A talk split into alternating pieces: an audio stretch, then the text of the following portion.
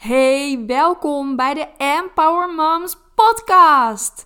Een tijdje terug ben ik geïnterviewd door Lisa van der Veken van de 100% Lefwijf Show. Zij heeft mij geïnterviewd over mijn allergrootste lefdaad ooit. En eerlijk, ik moest er wel even over nadenken, want deze lefdaad had uh, best wel wat effect op mijn leven. Ik zat namelijk toen in een hele moeilijke tijd.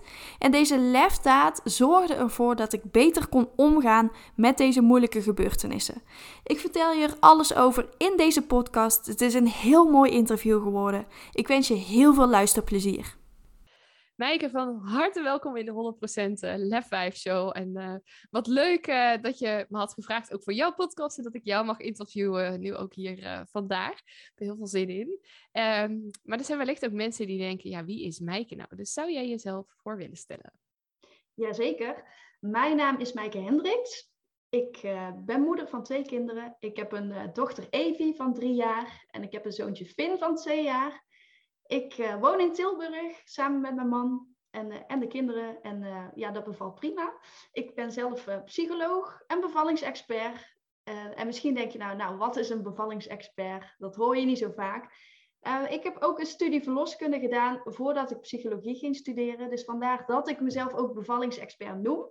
Ik werk zelf niet als verloskundige, maar ik heb wel de kennis rondom, ja, ik weet alles rondom zwangerschappen, bevallingen en de tijd daarna.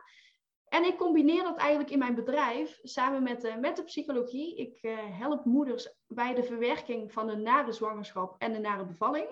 En ik begeleid ze ook naar uh, ontspannen moederschap, vooral in het eerste jaar na de geboorte. Want er kan best wel veel op je afkomen in het eerste jaar na de geboorte.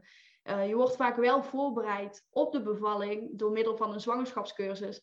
Maar de periode daarna, dat is echt vaak uh, ja, een, een, diep gat waar je in terecht komt. Je weet vaak niet wat je overkomt. Je kunt je daar niet echt heel erg goed op voorbereiden, omdat er gewoon heel weinig informatie beschikbaar is. Dus uh, daar richt ik me eigenlijk ook op van hoe kunnen we dat zo makkelijk mogelijk voor je maken. En uh, ja, hoe kunnen we het zo ontspannen mogelijk laten verlopen, zodat je echt die energieke, ontspannen moeder kunt zijn. Ja, super mooi onderwerp ook. En ik denk, uh, ik heb er zelf ook uh, wel mee. Dat er meer moeders zijn die daar inderdaad wel last van hebben. Dus daar zullen we het zo meteen uh, vast ook nog wat uitgebreider over hebben. Over wat je dan doet. En ik ben ook benieuwd natuurlijk hoe het bij jou is gegaan in het eerste jaar. In de eerste jaren. Maar voor nu ehm, komt de vraag der vragen die ik aan iedereen stel. En je weet al wat het gaat zijn. Maar lieve Meike, wat is jouw grootste lefdaad tot nu toe geweest?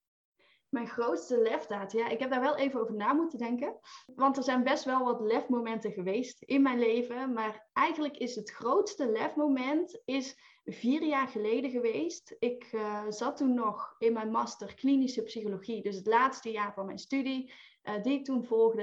Um, het was een heel zwaar jaar. Ik liep uh, negen maanden stage.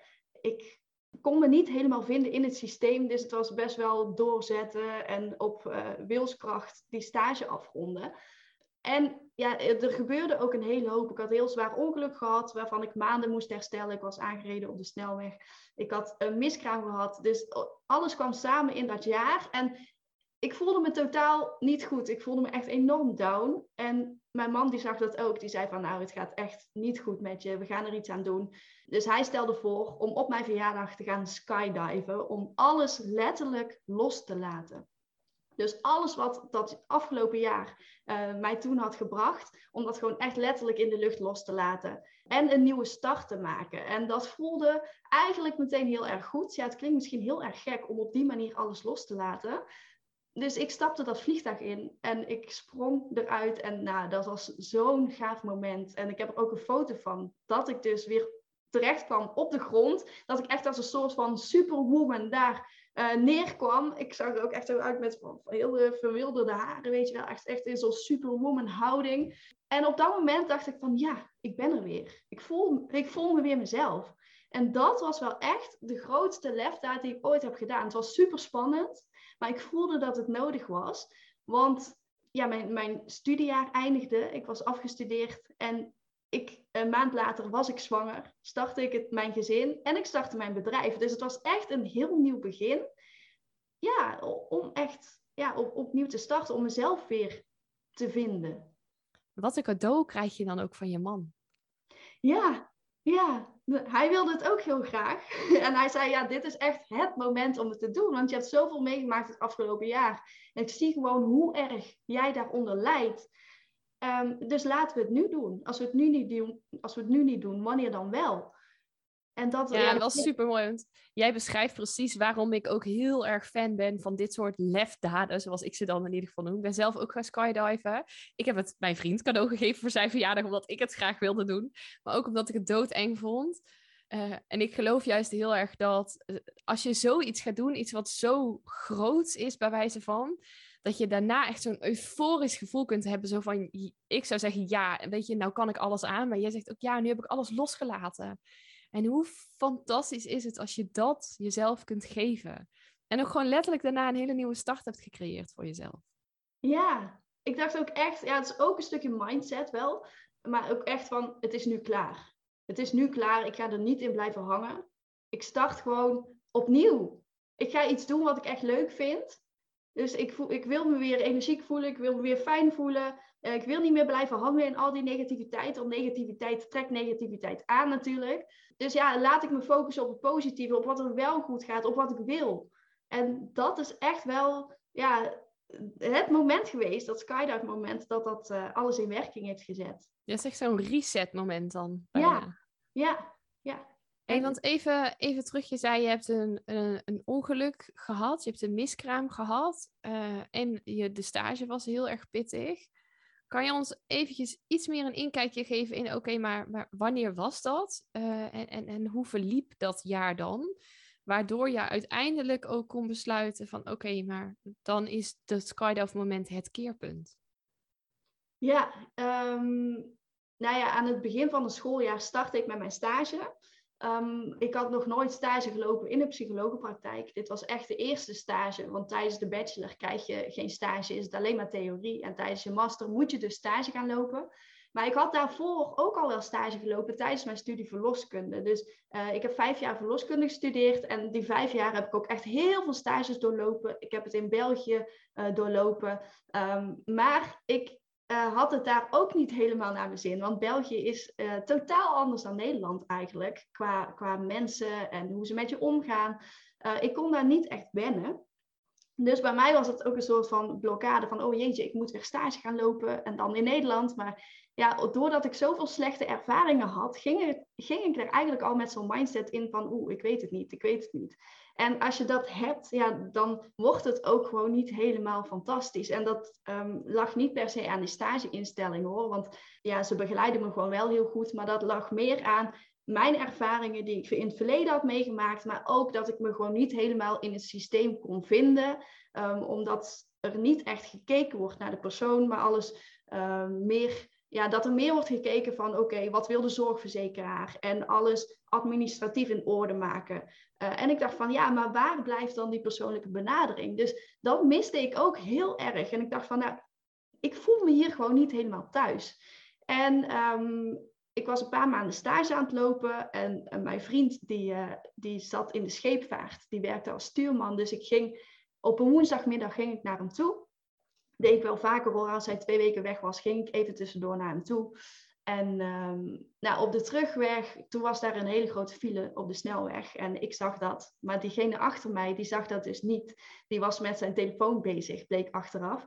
En um, die knalde met volle vaart achterop mijn auto. Um, waardoor ik een hele grote whiplash had. Een hele erge whiplash. Ik kon mijn uh, hoofd niet meer bewegen. Ja, op dat moment wel, maar uh, de dag erna niet meer dus ik was echt een soort van plank die eerste tijd, waardoor ik uh, uh, heel veel fysiotherapie heb gehad ook. En uh, uiteindelijk na een paar maanden wel echt goed ben hersteld, maar dat heeft ook heel veel tijd gekost. Het heeft ook ervoor gezorgd dat ik dus een hele tijd niet naar mijn stage kon. Uiteindelijk wel een, een, ja, een paar uurtjes per week weer opgepakt, zodat ik niet te veel miste. En, en ja, vlak daarna, vlak na dat ongeluk, kreeg ik ook een miskraam. Ik wist ook helemaal niet eigenlijk dat ik, ja, ik wist pas heel kort dat ik zwanger was. En uh, we wilden wel heel graag kinderen, maar waren niet echt bewust bezig met kinderen. Ik was wel gestopt met de pil, omdat ik dacht van, nou weet je, als ik klaar ben met mijn uh, master, dan gaan we voor, voor een gezin, dan willen we voor een kindje gaan. maar ja, toen bleek ik dus zwanger te zijn. Echt een hele grote verrassing. Uh, heel blij ook wel, want we wilden heel graag een gezin. Maar ja, ook wel een beetje zorgen van hoe gaan we dat dan doen. Want ik ben nog bezig met mijn studie. En ja, ik, ik had ook al meteen het gevoel van er is iets niet goed. Ik, ja, op, op een of andere manier heb je dat heel, gevoel heel vaak als vrouw. Je voelt dat intuïtief aan of zo. Van er is iets wel of er is iets niet goed. En ik had heel sterk dat gevoel vanaf het begin, er is iets niet goed. En ik zei dat tegen mijn man, van nou, ik weet zeker dat het niet goed is. En hij zei van, nou, maak je gewoon niet druk. En het is de eerste keer dat je zwanger bent en het, je hebt gewoon stress en je hebt zorgen. En op je stage is het gewoon druk en je hebt er ongeluk gehad. Dus het is gewoon veel. En ik bleef gewoon telkens zeggen van nee, het is niet goed. En ik bleef zwangerschapstesten doen. En nou ja, die waren dan wel positief. Maar uiteindelijk, ja, toen, toen ja, kreeg ik heel veel pijn in mijn buik. Ik kreeg bloedverlies. En ik zeg van ja, weet je, dit, dit is gewoon echt helemaal niet goed. Ik ging naar het ziekenhuis, bleek een miskraam te zijn. En uh, ja, heel heftig. ook al uh, was het maar een paar weken, het is wel echt een, een levensveranderende gebeurtenis. Want je stelt je er toch op in van hé, hey, je krijgt een kindje. Um, ja, je leven verandert. En dan op, ja, van de een op de andere dag uh, gaat het niet door. Dus je bouwt ook al wel een band op met het kindje. Ook al had ik dat gevoel van het is niet goed. Ja, het zit toch in jou. Dus dat blijft toch wel een, een hele heftige ervaring. En um, ja, ik heb Mag ook... ik een, uh, een kritische vraag stellen? Ja, tuurlijk. Wat maakt dat je dit nu zo makkelijk kunt vertellen? Ja, ik heb het verwerkt. Ik, ik um, heb er heel veel over gepraat. Ik um, heb ook echt wel de tijd gegeven om het verdriet te voelen om hier uh, ja, echt bewust mee bezig te zijn, om het niet weg te stoppen. Want als je het weg gaat stoppen, blijft het gewoon heel erg hoog zitten. En um, daarna ja, werd ik ook vrij snel zwanger van Evie. En dat heeft ook wel veel goed gemaakt. Het is natuurlijk geen vervanging. Maar het, is, het heeft er wel voor gezorgd dat ik het meer ook kon accepteren. Van oké, dit is er gebeurd. Het zal vast een reden zijn dat het niet goed is gegaan. Ja, daar, daar vertrouw ik ook heel erg op. Van ik, ja, alles gebeurt eigenlijk met een reden. En ja, weet je dat het niet goed ging, dat is dan gewoon zo. En dat klinkt misschien heel heftig. Maar ja, dat maakt het voor mij ook wel een stukje makkelijker om, om het te accepteren. En um, ja, dus ik vind het wel heel mooi hoor. Ook juist dat je er zo open over vertelt, bijna met een glimlach op je gezicht van joh, dit is maar gebeurd. Terwijl de inhoud van het verhaal natuurlijk de hele combinatie best wel intens is. Um, en ik vraag het ook, want ik krijg het zelf ook vaak te horen als ik vertel over mijn depressie. Dat je er soms, alsof het bijna niks is, zeg maar, alsof je een verjaardag hebt gehad, iets wat heel leuk is erover vertelt. Terwijl, hoe mooi dat je kunt zeggen, ik heb het verwerkt. Het is me overkomen. Ik geloof dat het met een reden is gebeurd. En ik heb het verwerkt en dus kan ik er nu op deze manier over praten. Ik vind dat heel krachtig. Ja, oh, wat lief dat je dat zegt. Ja, maar zo voelt het ook wel. Het voelt ook gewoon echt alsof het, um, ja, het, het is niet meer van nu. Het is echt geweest en dat betekent niet um, dat het niet erg is dat, wat er is gebeurd, maar dat betekent wel dat het echt een plek heeft gekregen. En dat het elke keer als ik eraan denk, dat het um, ja, dat, dat ik er vrede mee heb hoe het is gegaan. En die eerste maanden waren ook echt drama. Hoor. Toen kon ik er ook niet zo over praten. En toen barstte ik ook in huilen uit en voelde ik me verschrikkelijk. En ik dacht van, oh, waarom overkomt mij dit? En ja, nee, dat is ook niet leuk. En het is ook niet hè, van de een op de andere dag. Maar inmiddels zijn we echt bijna vier jaar verder. Dus dat is best wel een tijd. En um, ja, nou, ik vind het wel heel mooi. Oh, daar krijg ik kippenvel van. Wow. En ook om te zien dat je nu wel raakt. Dat je, maar moet je kijken wat een kracht je dan daardoor ook weer hebt opgebouwd. En hoe ver je bent gekomen ook sinds die tijd. Dat je het op deze manier kunt verwoorden en het erover kunt hebben. Ja, ja, want het is ook gewoon een deel van mij. En, en um, ja, ik heb twee kinderen dan, maar ik ben er ook twee verloren. Want Finn, die was in het begin ook een tweeling tijdens de zwangerschap. En ik voelde dat ook heel erg sterk. Van, nou weet je, het zijn er twee. Ook dat voelde ik intuïtief heel erg sterk aan. En uh, dat zei ik ook tegen mijn man, oh, het zijn er twee. En hij zei van, nee, dat kan niet. Weet je, meer in, in zo'n impuls van, nou, ik moet er niet aan denken dat het een tweeling is. Want hoe, hoe gaan we dat doen? Um, snap ik ook heel goed. Maar ik zei ja, ik had, ik had ook gelijk. Tijdens de echo zei ze ook van, ja, het zijn er twee. Alleen eentje was niet goed gegroeid, waardoor die dus was overleden. En alleen Finn, die was dus wel goed gegroeid. Dus ja, er zijn echt ook heel veel verhalen van moeders die zoiets hebben meegemaakt, die een kindje zijn verloren. Dat gebeurt echt bij één op de vier moeders. Dus daar mag ook al meer over gesproken worden. Dat het dus niet niks is, um, dat er geen taboe op hoeft te zitten. Want hoe meer open wij hierover zijn, hoe makkelijker het wordt om hierover te praten met anderen. Juist doordat het zo vaak voorkomt, want je bent niet alleen. Schaam je er ook vooral niet voor. Dat wil ik je ook meegeven. Ja, ja, heel mooi. En inderdaad, het gebeurt zoveel en tegelijkertijd hebben we het er zo weinig over. Er zit zoveel schaamte ook op. Terwijl je hebt niks fout gedaan. En hoe mooi is het als je daar wel over kunt delen, weet dat je niet alleen bent en daarin ook een stukje erkenning mag vinden. Zeker, ja. Ja, en dan voel je ook veel, veel fijner om dat te delen met anderen en het helpt bij de verwerking juist door het erover te delen, ook al is het met vreemden, ook al doe je het op een forum, als je niet met iemand erover wil praten, ja, schrijf er dan over. Maar houd het in ieder geval niet binnen. Want als je het opkopt, wordt het alleen maar erger. En het gaat dan niet vanzelf over. Dan gaat het je echt in de weg zitten. Dan, dan ja, kost het je heel veel. En dan blijft het een, een, een vreselijke gebeurtenis. En, en ja, natuurlijk is het een vreselijke gebeurtenis. Maar dan voelt het niet meer als een vreselijke. Ja, dan, dan voelt het anders, ja. ja. Ja, en ook mooi dat je zei van ik voel nu, ik heb er vrede mee. Dat is natuurlijk een heel ander gevoel dan het is verschrikkelijk wat er gebeurd is. Ja, ja. hey, en toen, nou ja, heb je dat jaar dus doorlopen met de whiplash, met het ongeluk, met de, de miskramen uiteindelijk. Dan komt je man aan met, uh, schat, zullen we even uit de vliegtuig gaan springen? Als cadeau voor je verjaardag. Ja. Dan ga je dat doen. Dan sta je daar beneden als superwoman voel je krachtig en heb je ook echt het gevoel dat je het los hebt gelaten? Hoe gaat daarna het verhaal verder? Ehm, daarna moest ik nog één week stage lopen. Dus ehm, mijn stage was ook al bijna voorbij. Nou, ik was heel blij dat het erop zat. Um, dat ik wat meer vrijheid had ook. Ja, ik was toen ook vrij snel daarna zwanger. Volgens mij een maand daarna, nadat ik uit het vliegtuig was gesprongen, was ik zwanger. Dus dat was ook echt een hele uh, bijzondere tijd. Ook van yes, weet je, drie maanden na mijn miskraam ben ik gewoon weer zwanger. Ik had er echt niet op durven hopen. Ehm, en daarna heb ik echt wel even rust gepakt. Om alles wat er het jaar daarvoor was gebeurd even uh, te laten bezinken. Om er, um, ja, om de ruimte aan te geven. Maar ook echt om daarna weer vol energie en vol vertrouwen weer op te staan. En mijn droom was ook altijd om een eigen bedrijf te starten, omdat ik dus niet zo heel goed in het uh, huidige systeem kan functioneren. Ik uh, kan ook echt niet um, onder een baas werken, zeg maar. Ik uh, raak daar helemaal gestrest van. Ik hou er niet van als iemand zegt van, nou, dit moet jij doen en dit moet jij doen in deze tijd. Ik werk gewoon liever wanneer ik wil, wanneer het mij uitkomt en met wie ik wil.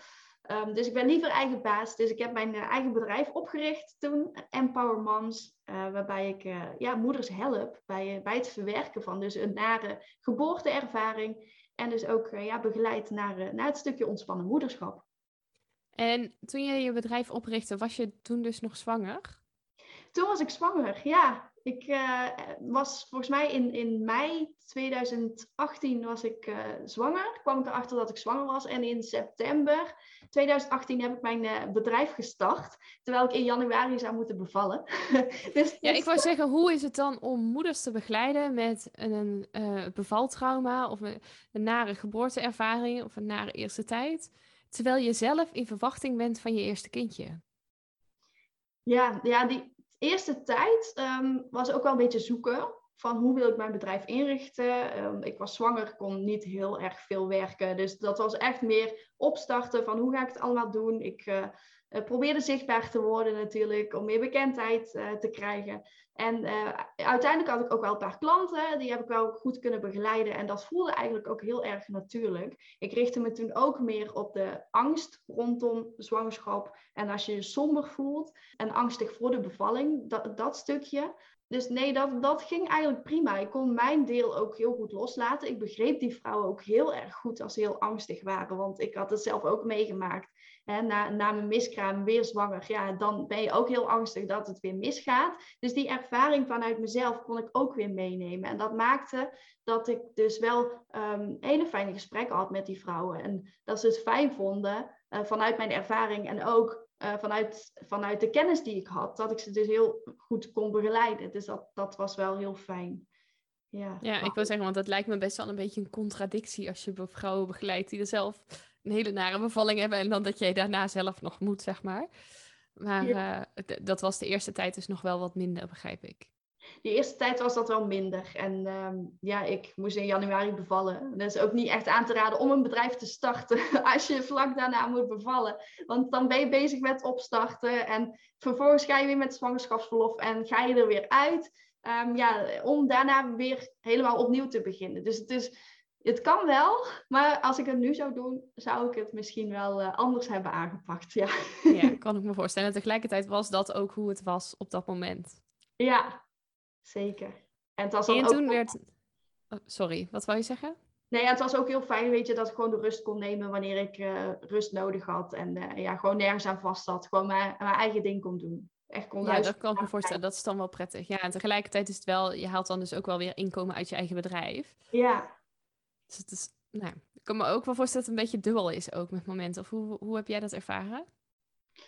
Um, ja, dat, dat was af en toe wel. Dat ik dacht van, hè, sommige dingen trek je je dan wel aan. En vooral als je zwanger bent of, of net bevallen bent, dan ben je, nou ja, sta je heel erg open voor anderen. Dan ben je best wel kwetsbaar. En dan, uh, en dan komt alles extra hard aan door alle hormonen. Um, dus um, ja, maar weet je, ik had ook geleerd tijdens mijn opleidingen om het wat meer los te kunnen laten. Om de dingen bij hun te laten. Want als ik me echt alles persoonlijk aan zou moeten trekken, ja, als psycholoog krijg je gewoon heel veel dingen te horen, wat heel heftig is. Um, ja, dan heb je zelf ook geen leven meer. Dus je leert er vanzelf ook wel meer afstand van te nemen. Om het dus ook niet mee naar huis te nemen. En in het begin is dat ook heel erg lastig, maar ja, dat, dat went vanzelf. Ja, Hey, en toen ben je dus, toen had je Evi, ben je verder gegaan in je eigen bedrijf. En je zei net, je bent gestart ook met vrouwen die wat meer ook angst hadden voor de bevalling. Hoe is het zich vervolgens ontwikkeld naar wat je op dit moment doet? En vrouwen helpt dus met nare bevaltrauma's bijvoorbeeld? Nou, eigenlijk um, kwamen er heel veel vrouwen bij mij die al bevallen waren. Dus minder tijdens de zwangerschap, maar meer na de bevalling. En zij zeiden van, nou, ik heb best wel een heftige bevalling gehad. Of of vrouwen die zeiden van nou het moederschap, dat, ja, dat, dat vind ik eigenlijk heel pittig. Van, is dat normaal? Van, bij anderen lijkt het heel makkelijk te gaan. En waarom lukt het bij mij dan niet? En um, doordat ik steeds meer aanvragen daarvoor kreeg, heb ik meer dat stukje angst losgelaten. En ben ik me hier meer op gaan focussen. Echt meer op de net bevallen moeders.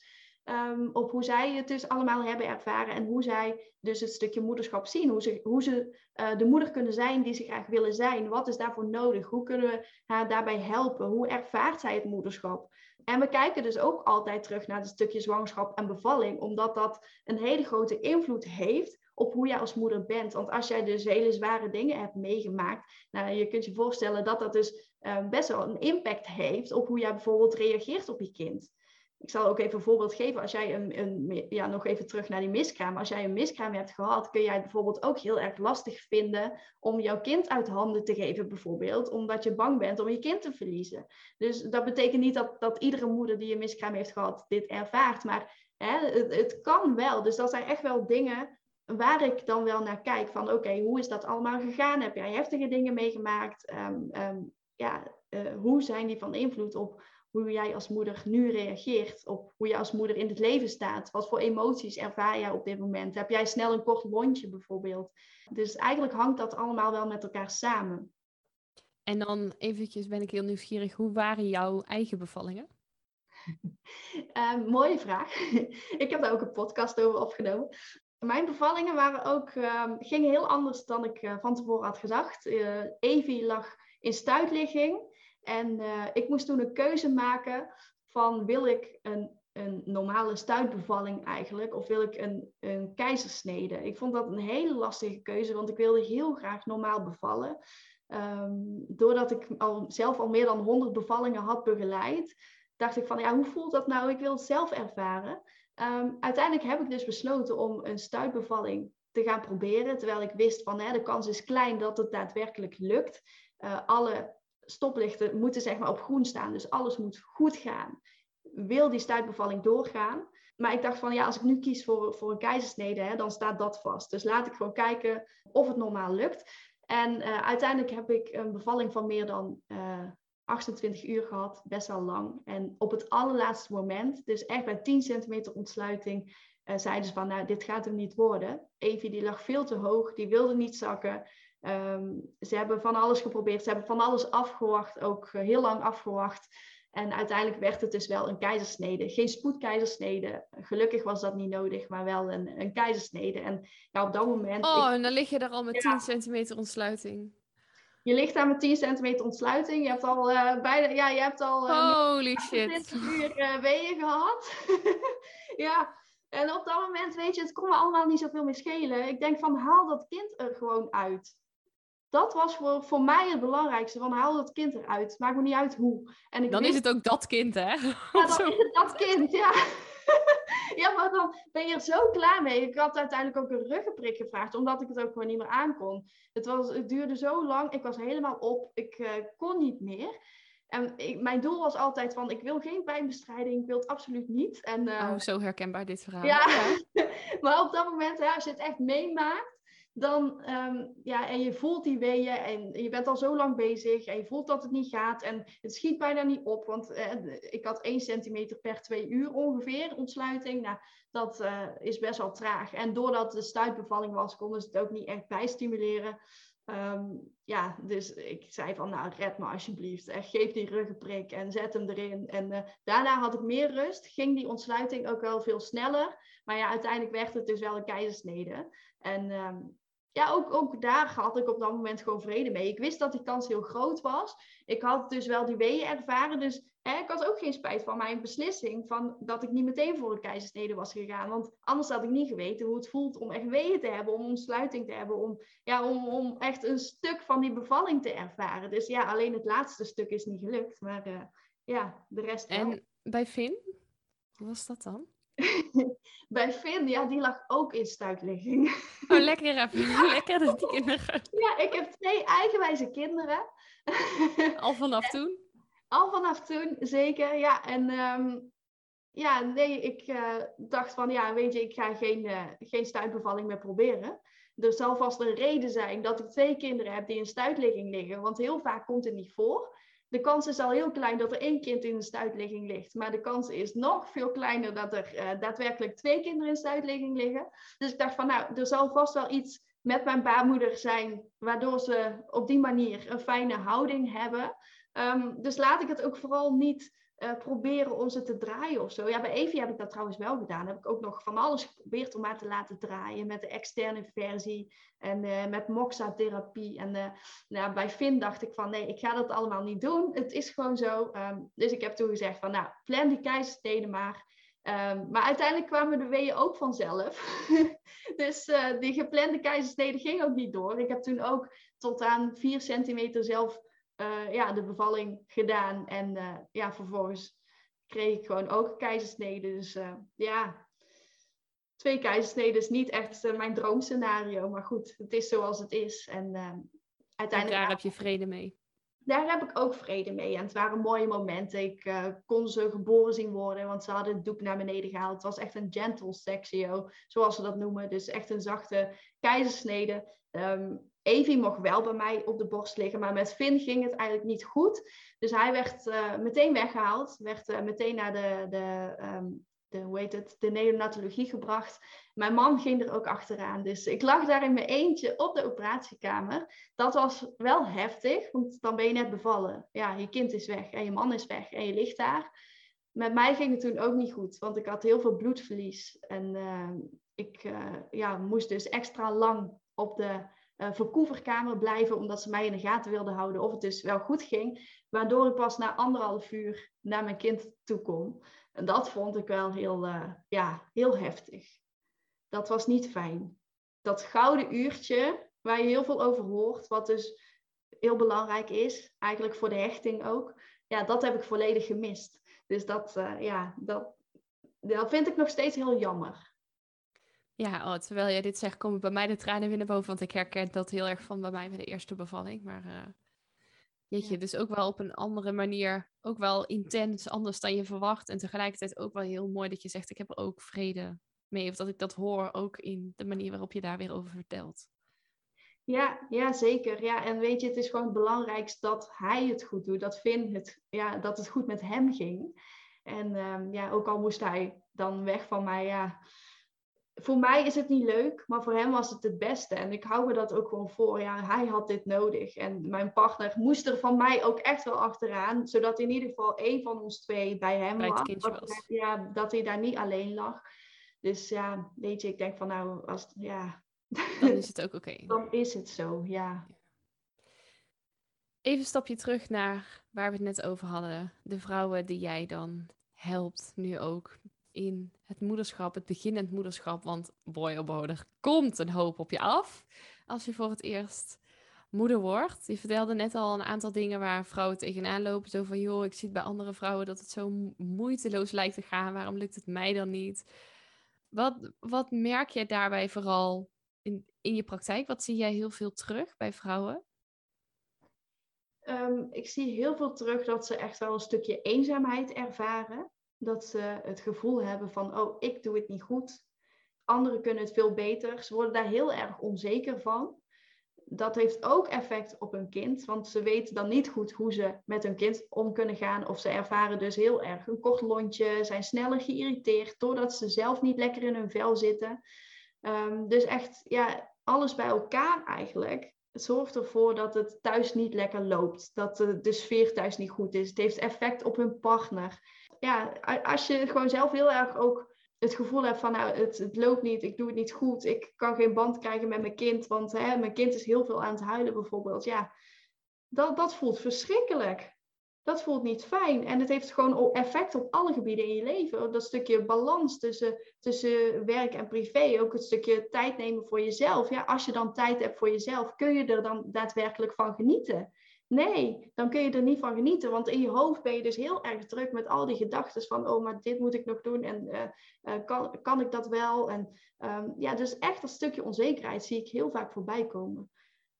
En je zei net al van, we worden als moeder worden we vaak wel heel erg voorbereid op dat hele stuk bevalling. En dan nog net een beetje de eerste week daarna. Waar, wat is in jouw ogen van alles wat je, alle verhalen die je tot nu toe hebt gehoord en wat je hebt gezien, een factor die daarin een rol speelt? Wat, wat maakt nou dat wij moeders ons zo onzeker voelen over dat eerste jaar en doe ik het wel goed? En dan dat korte lontje krijgen, waardoor ja, dat op al die vlakken zoveel effect heeft. Ehm, nou, wat ik zie is dat er heel vaak de mooie momenten worden benadrukt. Ook als je een tijdschrift openslaat, als je een tv-programma aanzet. Het gaat altijd over hoe fantastisch het is om een kind te krijgen. Om hoe mooi het is om op die roze wolk te zitten. Ehm, maar heel veel moeders zitten daar niet op. Het kost ook voor heel veel moeders heel veel tijd om een band op te bouwen met hun kindje. Want hè, je kent elkaar niet. En natuurlijk heeft jouw kindje in jouw buik gezeten. Maar als het eruit is, hè, je moet elkaar leren kennen. Je weet niet wat de behoeftes zijn van je kind. Jouw kind moet ook wennen aan jou. Eh, jouw kind heeft een heel ander ritme dan jij. Dus echt, je hele leven staat op zijn kop. En dat is natuurlijk heel heftig. En ook daar mag gewoon aandacht aan gegeven worden, vind ik. Dat het vaak voorkomt dat het gewoon een donderwolk is. Dat het niet altijd leuk is, dat het niet altijd fijn is, dat het zoeken is. Dat, het, eh, dat je soms terugverlangt naar het moment dat jij nog geen moeder was. Omdat je toen wel goed Of met zeer grote regelmaat soms. ja, ja, en dat is helemaal oké, dat mag er zijn. En daar hoef je je absoluut niet voor te schamen, want iedere moeder heeft dat. Maar als je dat niet weet, als je denkt van, nou, ik ben de enige en waarom genieten andere moeders wel zo erg van hun kind en heb ik dat niet? Ja, dan voelt dat heel eenzaam. En dan voelt dat echt alsof, je, alsof er iets mis is met je, maar er is niks mis met je. Absoluut niet. En dat wil ik ook echt meegeven van als jij dit soort dingen ervaart, weet dan ehm, ja, dat, dat het kan. En dat dat Ja, en dat het heel normaal is. En in Ja. die zin, je bent niet raar, je bent niet gek. Nee, nee. Heel veel vrouwen ervaren dit. Ja, en als, als je daar echt heel veel last van hebt, zeg maar, als, het echt heel veel invloed heeft op jouw leven ook, ehm, schaam je ook niet om daar hulp bij te zoeken, want dat kan ook. Hè? Het betekent niet dat je, dat je gek bent of wat dan ook, zeker niet. Ja, en ik denk, ik, heb ik herken dit zelf heel erg ook van, vanuit de eerste tijd. Ook na mijn depressie, dat het weer beter ging. Dat je echt wel denkt van, nou, hoe doen al die vrouwen dit? Ik snap niet hoe ze het voor elkaar krijgen. En dat ze dan ook nog genieten en nog goed werk afleveren. En hoe dan? Maar ik ben het wel met je eens dat er heel weinig over gedeeld wordt, ook in de media. Je moet echt wel zoeken naar de verhalen waar het wat minder rooskleurig is. Ik heb wel het idee dat het wat meer opkomt, ook de laatste tijd. Ja. Maar nog steeds is het wel, nou ja, zeg maar 80, 90 procent is allemaal happy joy joy, roze volk. En er is maar een klein deeltje wat het echte verhaal bijna vertelt. Ja, ja jij bent er één van. Jij, jij hebt in de oude span nu gestaan met jouw verhaal. Dus... Ja. Ja, in de Flair laatst ook. Eh, maar ook omdat ik dit juist dus zo belangrijk vind om het te delen. En dat wil niet zeggen dat, want ik geloof dat er ook echt moeders zijn die wel gewoon altijd op die roze wolk zijn. Ik bedoel, die zullen er vast ook rondlopen. Ik heb ze nog niet gezien, maar die zullen er vast ook rondlopen. En ik denk dat dat soort verhalen ook gedeeld mogen worden. Alleen ik denk wel dat het meer in balans mag zijn. Ja, ja zeker. Ja, dat vind ik ook. Het is niet alleen maar rooskleurig. Het is niet alleen maar fijn en genieten. En hoe fantastisch is het om een kind te hebben. Want er is ook gewoon een andere kant. En waarom wordt dat niet verteld? Waarom is, ja, waarom... Ja, en het is denk ik, het is ook niet alleen maar shit, zeg maar. Ik bedoel, inmiddels kan ik ook heel erg genieten. Het is er allebei. En ik denk dat we dat allemaal mogen zien. En, en, en van, nou ja, mijn verhaal gaat dan op een gegeven moment wel heel, wordt wel heel duister. Ehm, maar alles daartussenin. Ik denk dat al die verschillende facetten mogen gedeeld worden. En dat kan ook gewoon zijn dat je af en toe twijfelt of onzeker bent. En voor de rest af en toe ook gewoon wel heel erg geniet. En dat, dat is ook oké. Zeker, ja, ik ben het helemaal mee eens. En als je dan een verhaal ziet dat mensen taboes willen doorbreken rondom het moederschap, vooral in die eerste tijd. Net als gisteravond keek ik op Facebook en zag ik uh, een paar vrouwen die echt die taboes aan het doorbreken waren. En ik keek in de reacties daaronder. Nou, ik schrok me echt rot van nou, niet alles hoeft gedeeld te worden, weet je wel. Of, of uh, reacties als, uh, ja, waarom moeten we dit, allemaal weten? Want uh, het is toch fantastisch om een kind te hebben. En nee, laten we het gewoon bij de roze wolk houden, hoor. Dit, dit willen we niet bespreekbaar maken. Dan denk ik van, we hebben nog zoveel te leren. Van waarom mag dat niet? Zo houd je het juist in stand, dat moeders zich heel, heel eenzaam en somber gaan voelen. Nou ja, plus ook, uh, je krijgt ook niet altijd leuke reacties als je eerlijk bent over je, wat je meegemaakt hebt. Want dit zijn dan nog dat dat verhaal er niet mag zijn. Je hebt ook nog wel mensen die dan over jou oordelen, over hoe je het doet. Zeg maar, de, de moedermafia is helaas ook nog een heel groot realistisch bestaand iets op het moment. Ja, dat klopt. Ja, mensen hebben overal een mening over. En uh, ja, die, uh, die zeggen ze liever inderdaad. En ja, nou ja, en ik denk ook dat op het moment dat je dan al onzeker bent, kijk, ik ben inmiddels op zo'n punt, en volgens mij kan je ook redelijk wat hebben, dat het niet zo heel veel meer uitmaakt wat iemand anders zegt, omdat jij weet zelf dat je het goed doet. Maar als je al twijfelt over in hoeverre jij het goed doet, dan ben je heel vatbaar, heel open voor al die meningen. En dan denk ik, oh, laten we alsjeblieft ophouden. Dus bij deze ook, als je jezelf erin herkent dat je dat soms doet. Eh, laten we alsjeblieft ophouden met elkaar veroordelen of zeggen dat we het niet goed doen. Want laten we hier eerlijk wezen, we doen allemaal maar wat als moeder. Um, de, de, en we doen het allemaal vanuit de beste wil van de wereld. Tenminste, ik geloof daarin wel dat in ieder geval een heel groot deel van de moeders dat op die manier doet. En vanuit daar, weet je, zal het ene, het een bij het ene kind een goed werken en het ander bij het andere kind. Maar alsjeblieft niet oordelen over hoe een ander het aanpakt. Want we doen het allemaal met een goede intentie.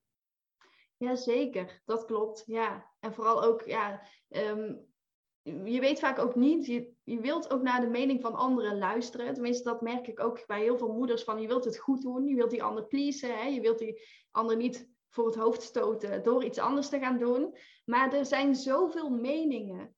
En ja, er zijn zoveel mensen, zoveel meningen. En je kunt niet iedereen tevreden houden. Dat gaat gewoon niet. En op het moment dat jij dus een ander tevreden wilt houden, dan kun jij jezelf niet tevreden houden. Dus Hè, luister vooral naar jouw eigen gevoel. Luister naar wat jij wilt. Want jij bent de moeder van jouw kind en jij weet ook precies wat jouw kind nodig heeft. En iemand anders heeft, een ander kind heeft andere ervaringen. Dus die kan er ook vooral ook niet over oordelen. En die kan ook niet oordelen over jou, want die is jou niet. Dus dat is ook gewoon heel erg belangrijk om te beseffen.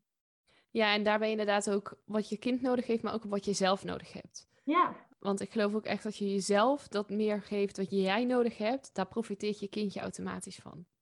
Zeker, Ja, als jij goed in je vel zit, dan merkt jouw kind dat zeker. Als jij ochtends heel erg gestrest bent en je gaat heel erg haast, je wilt heel erg haast de deur uitgaan. Nou, je kind krijgt net op dat moment een driftbui of een huilbui, omdat hij precies aanvoelt hoe jij je voelt. Dus die reageert echt op jouw gevoel, op jouw emoties. Dus als jij dus heel erg ontspannen kunt zijn, heel erg uh, lekker voelt, heel erg blij kunt zijn, dan, uh, ja, dan heeft dat zeker een positief effect uh, op je kind.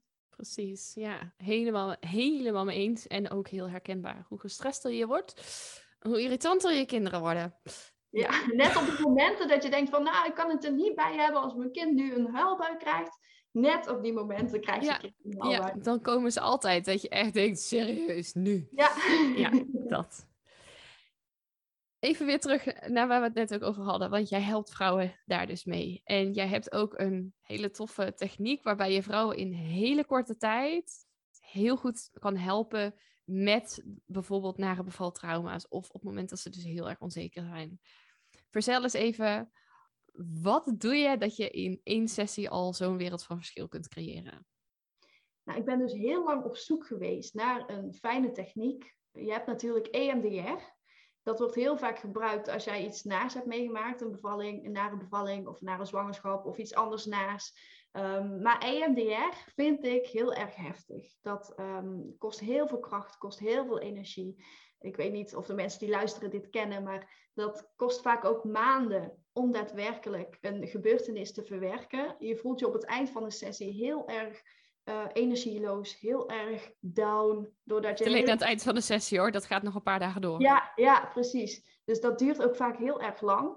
En uh, ik dacht van, nou, dit moet toch anders kunnen? Want vooral moeders, die hebben al zo weinig tijd Um, hun kind kost ook vaak energie. Dus die energie wil je sparen. Dus ik ben de afgelopen jaren op zoek geweest naar een techniek waarbij het gewoon wat makkelijker, makkelijker gaat, waarbij het luchtiger is. En die heb ik nu eindelijk gevonden. Dat is de Trauma Buster techniek. Die komt uit Australië en ik ben de eerste psycholoog in Nederland die deze techniek mag toepassen.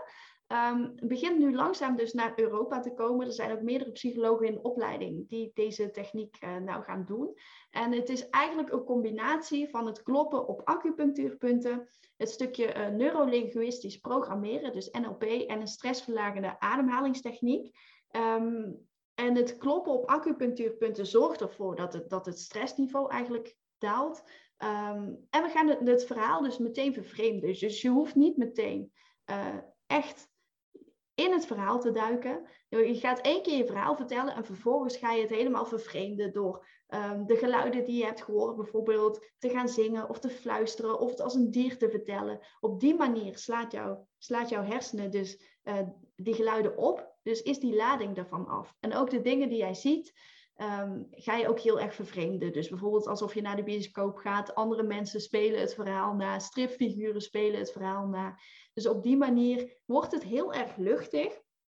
En uh, 95% uh, van de mensen die, uh, die heeft de ervaring dan verwerkt in één sessie van twee uur. Dus dat is wel echt uh, fantastisch.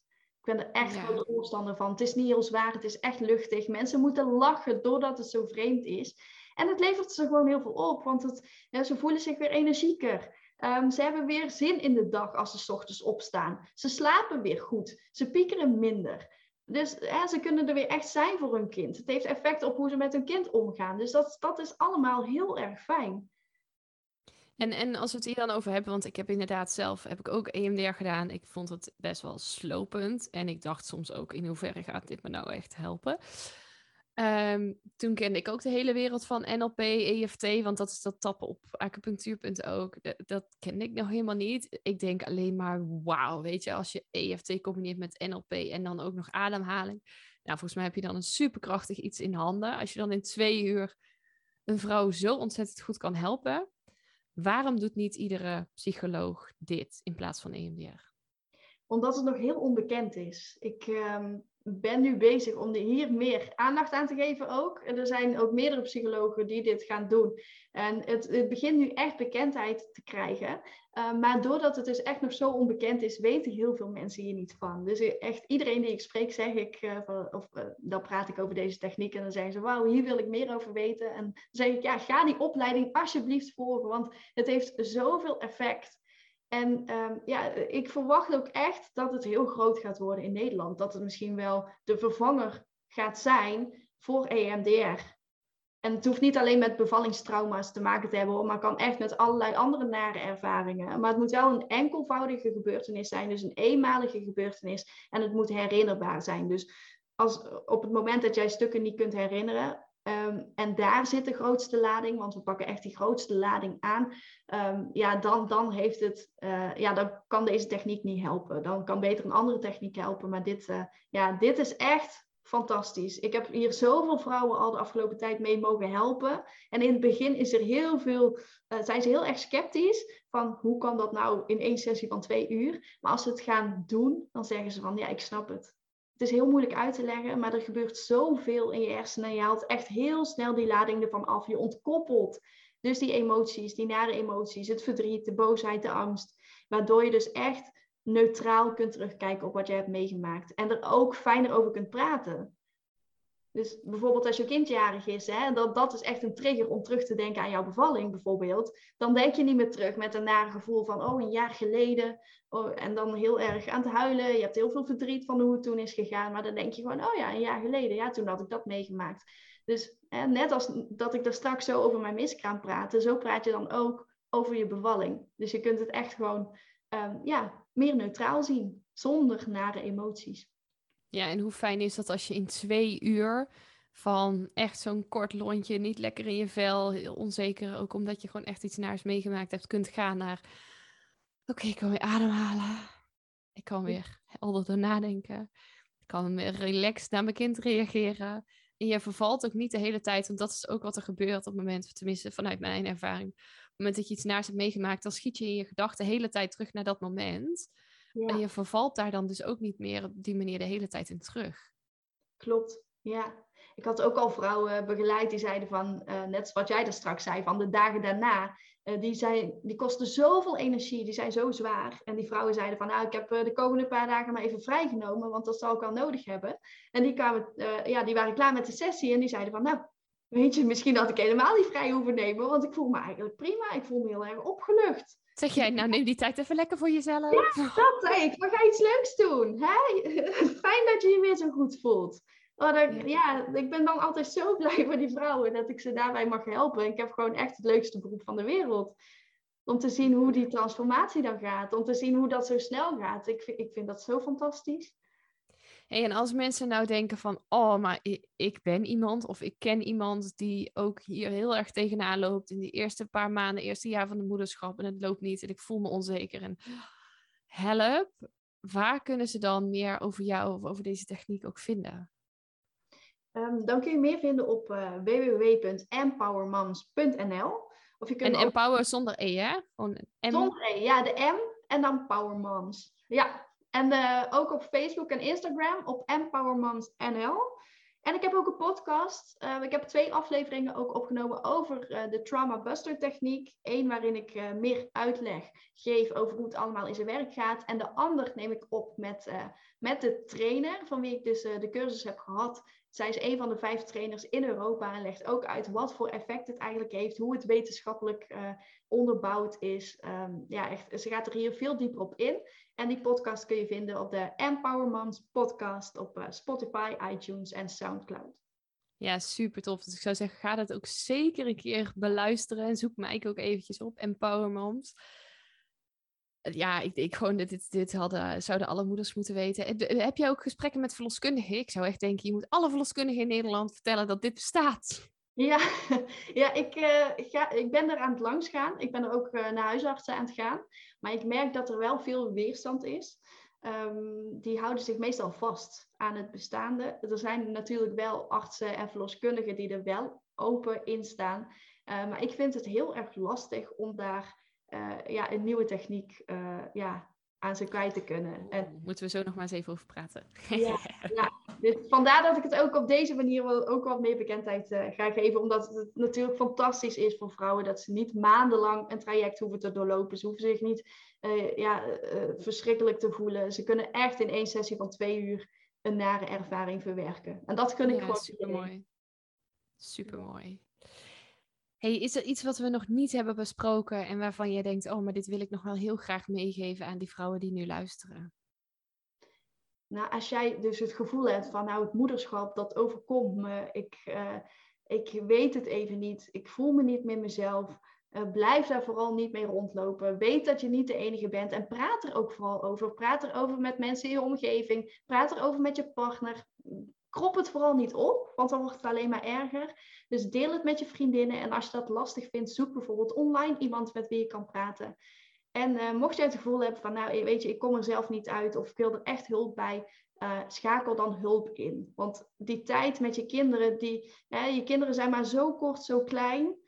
Het is zonde als je daar niet van kan genieten. Het is zonde als jij, hè, als je later 70, 80 bent, terugkijkt op deze periode en denkt van, nou, het ging zo snel voorbij. Ik, uh, ja, ik weet er eigenlijk niet zo heel meer van, omdat ik in een soort van overleefstand stond. Ja, dat wil je niet. Dus nu is nog de kans om er iets aan te doen. Dus grijp die kans ook. Ja, helemaal mee eens. Ik kan het hier alleen maar volledig bij aansluiten. Dus als je denkt, oh, ik weet het even niet, twijfel. Volgens mij kunnen ze jou ook gewoon een berichtje sturen om gewoon eventjes contact op te nemen, toch? Zeker, ja. ja. Gewoon lekker laagdrempelig. Stuur me gewoon een berichtje op Facebook of Instagram. Of een mailtje, mag ook altijd. Geen probleem ja, kan ik zeker aanraden op het moment dat je denkt, oh, help. Ja. Ik zou willen dat ik het destijds gedaan had. Ik heb er wel uiteindelijk uit de bel getrokken, maar dan bij psycholoog. Maar als ik had geweten dat dit bestond, ja, had veel tijd bespaard.